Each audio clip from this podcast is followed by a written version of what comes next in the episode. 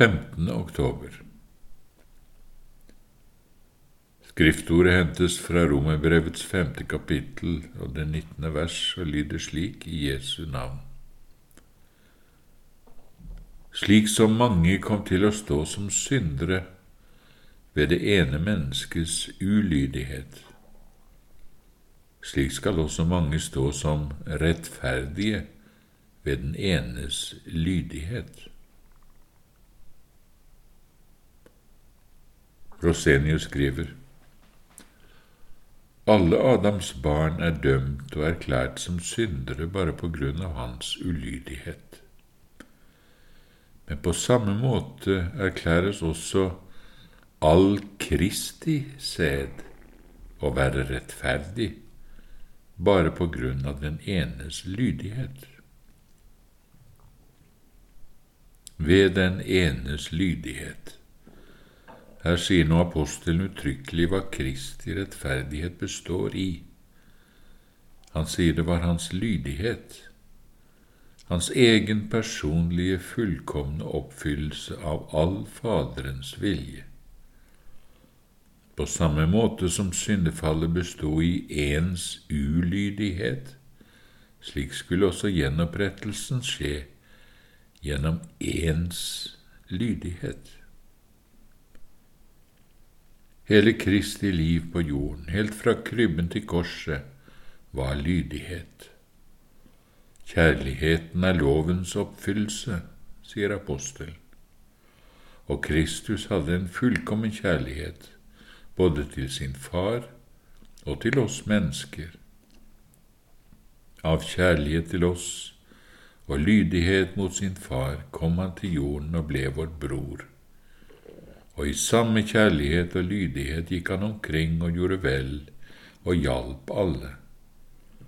Av kjærlighet til oss og lydighet mot sin far ville han også smake døden for alle, og han ble lydig helt til døden, ja, døden på korset. Det var ikke noe som helst mindre enn en så dyp og fullkommen lydighet som kunne frelse menneskene fra den fordømmelsen som gjennom den enes ulydighet var kommet over oss.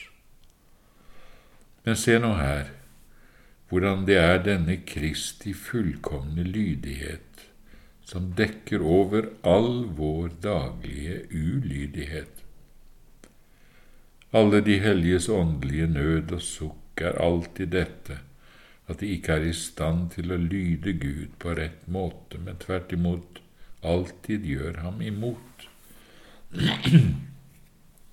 Der Ånden er villig og hellig, der er det medfødte fordervet bare enda mer følbart og trykkende og oppleves alltid som ulydighet. All synd i hjertet eller i livet, i tanker, begjær, ord og gjerninger, er alltid det samme som ulydighet mot Gud. For i sin hellige lov forbyr han jo all denne ondskapen, og da blir Guds barn engstelige og sukker over sin ulydighet mot Gud. Men se nå her. Imot all denne vår ulydighet har Gud satt sin sønns lydighet. Hans lydighet skal være vår lydighet. Det sier denne teksten, at gjennom ens lydighet blir mange rettferdige. Det var akkurat derfor Gud sendte sin sønn under loven for at han skulle kjøpe fri dem som var under loven. Gud så fra evighet av alle menneskene som falt under loven og dommen, og så fulle av synd at ikke en eneste fullkomment kunne lyde eller oppfylle loven. Derfor besluttet han i sin evige barmhjertighet at han ville selv gjennomrette alt dette. Hans sønn skulle bli et virkelig menneske, men med fullkommen lydighet. Som en ny stamfar for oss skulle han oppfylle loven og gå inn i lidelsen under dens forbannelse, for at slik som vi var blitt syndere gjennom den første stamfarens ulydighet, slik skulle vi også bli rettferdige bare gjennom den andres lydighet. Og det er akkurat denne Kristi fullkomne lydighet som egentlig er selve rettferdigheten som vi kan bestå med for Gud. Derfor, sier Concordie-formelen, derfor ser troen på Kristi person slik han i vårt sted er født under loven.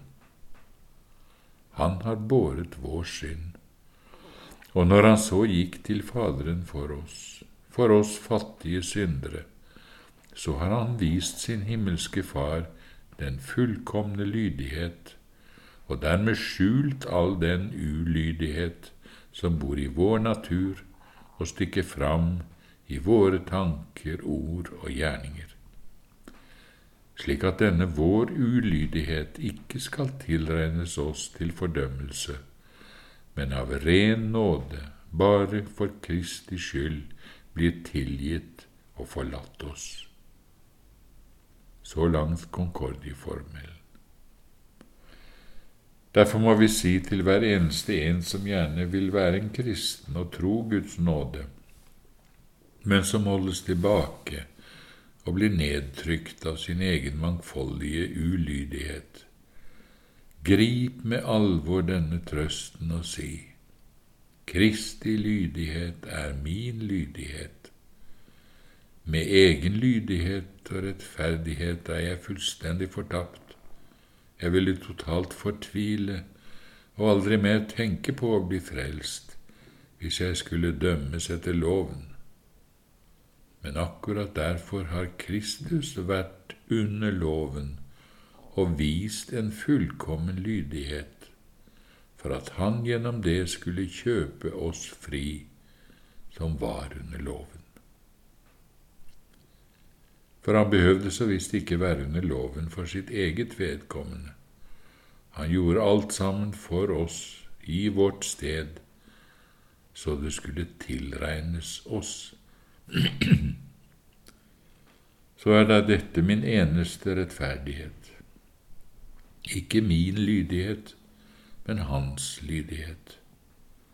For selv når mitt nye menneske vil være lydig, er det likevel den gamle naturen i meg som er full av lydighet. Og derfor er det nå min eneste trøst at Kristus var lydig for oss. På denne måten skal vi ta til oss denne teksten som er så full av trøst. Og sier så noen, hva hjelper det meg at Kristus var lydig, når jeg selv ikke kan være det? Da svarer vi at hvis ikke Kristi lydighet er din lydighet, da er du fortapt for evig. Men her forkynner apostelen til oss at det er bare gjennom den enes lydighet at vi blir rettferdige. Og Derfor må vi virkelig alvorlig innprente disse ordene i hjertene våre gjennom den enes lydighet. Ellers vil følelsenes, samvittighetens og vantroens vær bare blåse oss hit og dit som agner på ville havet. Da er det noe ganske annet for en fattig, utslitt synder som gir trøst og trygghet og få hvile på denne faste fjellgrunn, Guds evige rådslutning, at slik som vi alle ble syndere gjennom den enes ulydighet, slik skal vi også bli rettferdige bare ved den enes lydighet.